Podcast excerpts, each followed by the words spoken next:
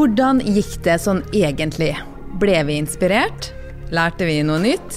Var det best i pausene, kanskje? Eller under foredragene? Eiendom 2022 er gjennomført! Jeg heter Linn Mevold, og nå skal vi oppsummere denne dagen sammen med Håkon Iversen og Torgeir Hågøy, som har hatt eh, ganske så sentrale regiroller for eiendomskonferansen i Bergen. Og eh, Håkon Iversen, eh, hvordan har du det akkurat nå? Jeg har det kjempebra. Det har vært en si, knall gjennomføring. Og det er veldig enkelt å gjennomføre en konferanse når foredragsholderne er så dritbra. Så jeg er ikke sliten. Så bra. Ja, men du har jo hatt en helt ny rolle. Du er til vanlig daglig leder i Link arkitektur. Nå har du altså vært programleder for en eh, veldig omfattende og stor eiendomskonferanse. Det er en litt annen rolle for deg? Nei, men altså, Jeg er veldig glad i å gjøre ting jeg ikke kan. Og det har jeg gjort veldig mye av de siste, høst, altså de siste månedene. Men jeg tenker at det, eh, dette her er på mange måter ingenting annet enn å fasilitere en workshop, sitte i dialog med utbyggere, med egne ansatte. Det er bare å tvike litt på, på innholdet, og så går det veldig fint. Jeg følte du forenkla veldig, programleder. Eh, ja, men jeg, jeg tenker at det er veldig greit. For jeg, jeg leste meg opp i går på hva en moderator betyr.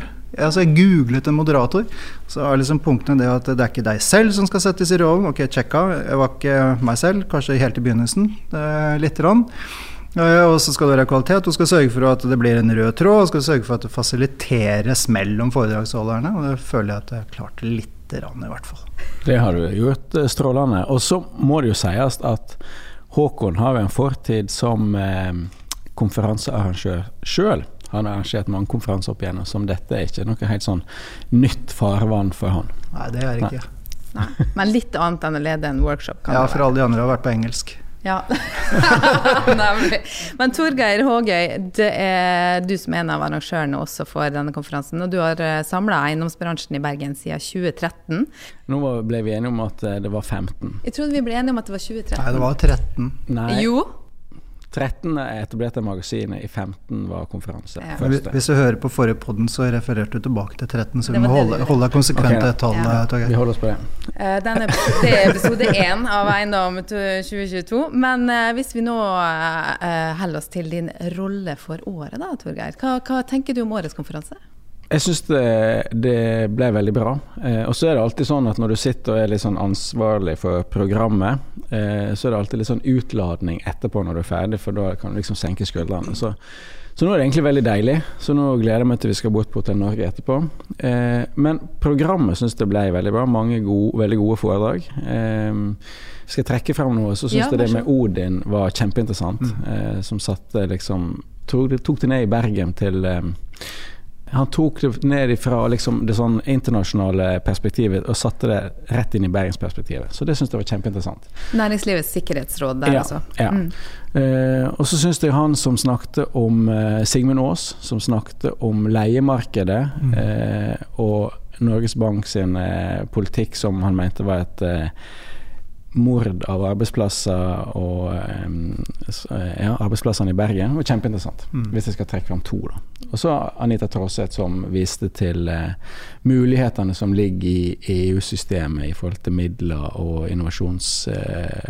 eh, der. Det var kjempeinteressant. Ja, og det som var interessant med Anita Krohn Traaseth sitt foredrag og fokus på EU-midler, ja, det mm. var at uh, i det hun viste fram, uh, hvor det liksom på nettsidene til EU der man kunne søke om midler, da kom alle mobiltelefonene i salen opp. Uh, og dette var jo etter at hun først hadde spurt om det var noen i salen som hadde um, søkt om EU-midler, og det var det absolutt ingen Nei. som hadde gjort.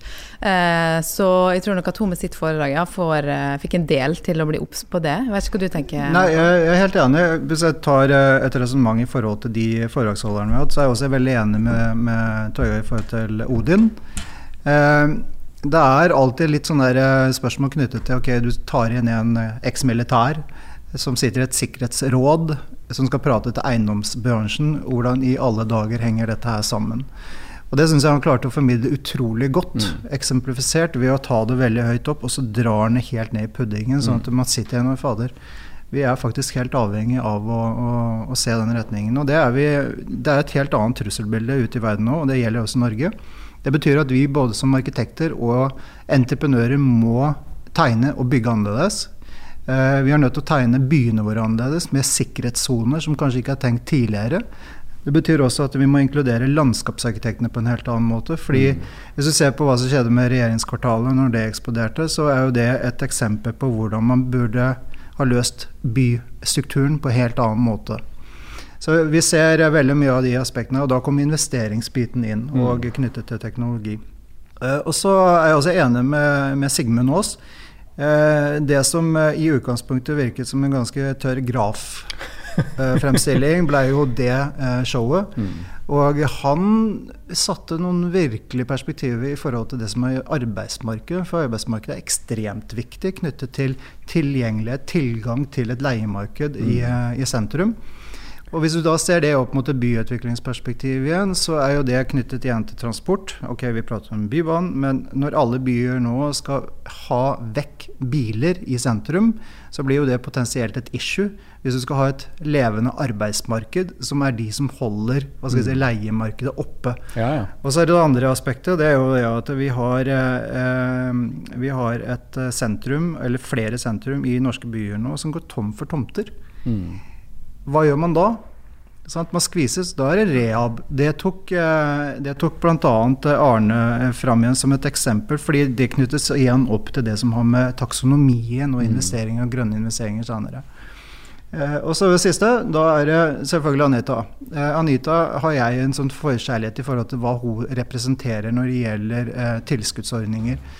Fordi med det tighte og stramme konkurransemarkedet vi har nå, så er vi også avhengig inn i det grønne skiftet og faktisk skape egne prosjekter. Mm. Og Det er veldig flott at hun dro fram dette med at i Norge så er det 44 klynger. Det er ikke så veldig mange som er klar over, og i hvert fall ikke vår bransje. Jeg jobber veldig tett med et av Norges femste klynger, som er Sams Norway. Og hva vi skaper innenfor der, er jo den type prosjekter som er egentlig grunnlaget for de eh, midlene som hun representerer. Mm. Og det andre er jo eh, det siste, det er jo flyplassbyen i, i Oslo som jeg leder nå utviklings- og forskningsprosjekt på, er også et sånt type prosjekt som vil ha kjempenytte av disse insentivene. Fordi kommunene og regionen har ikke råd til å ta finansiering på videreutvikling. Og det er heller ikke interesse for å eie eiendomsaktørene før de kan få en forutsigbarhet på at her skal det bygges osv. Hun nevnte jo at det var første gang hun var invitert til å snakke på en eiendomskonferanse. Eh, og vi så jo eh, da på responsen at det var få eh, her som hadde kjennskap, eller i hvert fall hadde vært borti å søke på midler. Så hun vil jo gjerne komme tilbake, da, Torgeir, så du får putte henne inn på programmet da, om noen år for å sjekke om det har skjedd noe. Ja, kanskje vi skal gjøre det, eh, for å ha den røde tråden og se om det har vært en utvikling. Sant? For det var tydelig at mange tenkte at, eller så at her kan det være noen muligheter som vi ikke har benytta oss av så langt. En siste som jeg tenkte syns gjorde en god figur, det var Rolf. Eh, mm. Eh, som tok det helt ned eh, og reiste på bybanesafari og vurderte de ulike prosjektene ja. som har kommet og som skal komme i Bergen. Det var veldig interessant. Mm. Eh, og de mulighetene som ligger der. I, han pekte bl.a. på at de må bli litt flinkere til å utvikle selve bybanestoppet. Um, Rolf Maurseth fra Link arkitektur. Ja. Uh, der var det et potensial i forhold til å gjøre de mer attraktive som et møtested og et sted hvor en hadde lyst til å gå av og, og være. Ja, altså De tingene er jo diskutert mye med, med Rolf i forhold til knutepunktsatsinger. fordi når byråden var inne og, og pratet om eh, eh, fortetting, altså den kompakte byen, og det skal fortettes rundt knutepunktene, som da er liksom hele hensikten med, med Bybanen og egentlig all annen transport vi, vi, jobber med her i Norge, så er det slik at eh, det planlegges da en akse som en bybane skal rulles på. Det er en del stoppunkter på disse, og på disse stoppunktene så er de egentlig underdesignet i forhold til eh, opplevelse. Det er gjerne et stoppunkt med et lite skur, og så må du gå eller bevege deg veldig langt før du møter den bebygde delen mm. som da definerer det som er fortettingssonen. Og Det er i det der mellomrommet her det er her du har en mulighet til å virkelig fange liksom disse opplevelsene som Rolf prater om, som ikke har noe fokus i det hele tatt. Verken mm. fra kommune eller utbyggere. At ikke det skal bli en transportetappe, da. Eh, bare, liksom. Ja, og det, ja. Ja, og dette snakka faktisk Rolf Maurseth fra Link Arkitektur, mm. og som har tatt bybanesafari, og som han fortalte på eh, konferansen om. Eh, dette snakka han og byutviklingsbyråden mm. om i Eiendom 2-podkasten, som er en egen episode der hun lovte altså, eh, i forrige episode, å gjøre noe med dette og se nærmere på det. Så da kan vi love at det skjer noe. Ja, og love. Ja, ja. ja, ja. Vi skal følge opp. Og så sa ville se på det. Ja, Det er ikke det samme som Nei, å love. Vi kan gå tilbake og høre akkurat ja. formuleringen. ja, men da er det um, afterparty, og så går jo nå eiendomsbransjen uh, hjem. Og gjør de noe med dette de har lært, da, tror dere? Eller det de har lært, det de har hørt, det de har fått innspill på? De har nok fått et par innspill, og eh, det er jo altså Det er ikke til å legge skjul på, det er mange konferanser som har veldig mye av den samme inputen, men jeg føler at den konferansen her, med den sammensetningen, skapte en større bredde forståelse for hvilke hva skal jeg si, kritiske faktorer vi faktisk må håndtere.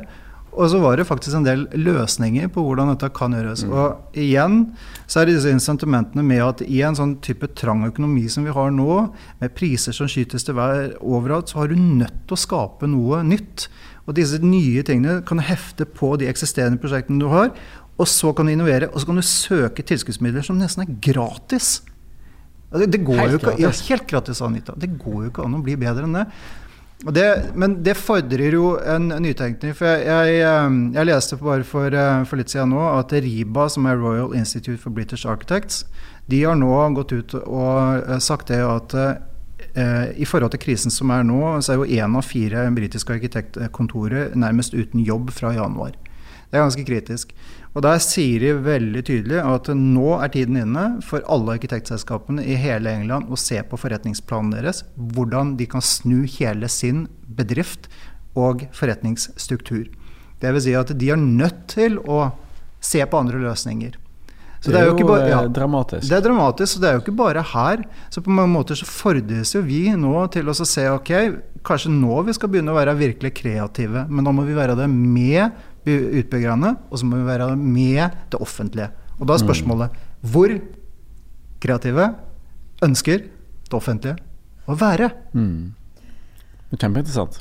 Og vi har hørt både store optimister i dag, og så har vi også hørt eh, festbremser eh, i forhold til tidene vi er inne i. Og helt til slutt, eh, Håkon Iversen. Eh, du hadde en eh, kollega eh, som hadde talt opp hvor mange ganger du brukte ordet 'krise' i eh, promofilmen for denne konferansen. Eh, og det var utrolige 28 ganger. Mm. Eh, hva tenkte du når du hørte Nei, det? Altså, det var en veldig fin e-post han uh, sendte til meg. Det var 28 ganger, og så skjønte han jo ikke bæret hvordan jeg kunne klare å være så optimistisk. så poenget mitt er at optimisme det kommer når det verste legges på bordet. Det er jo da du er nødt til å snu det. Så det er der mulighetene ligger. Og det må vi lære å benytte oss enda mer av. Torgeir Hågøy, blir det Eiendom 23? Eh, det blir det. Når da? Det er ikke ubestemt ennå. Eh, det må vi komme tilbake til. Vi får følge med, da. Så får vi se om det kanskje blir podkast da også. Det blir det nok.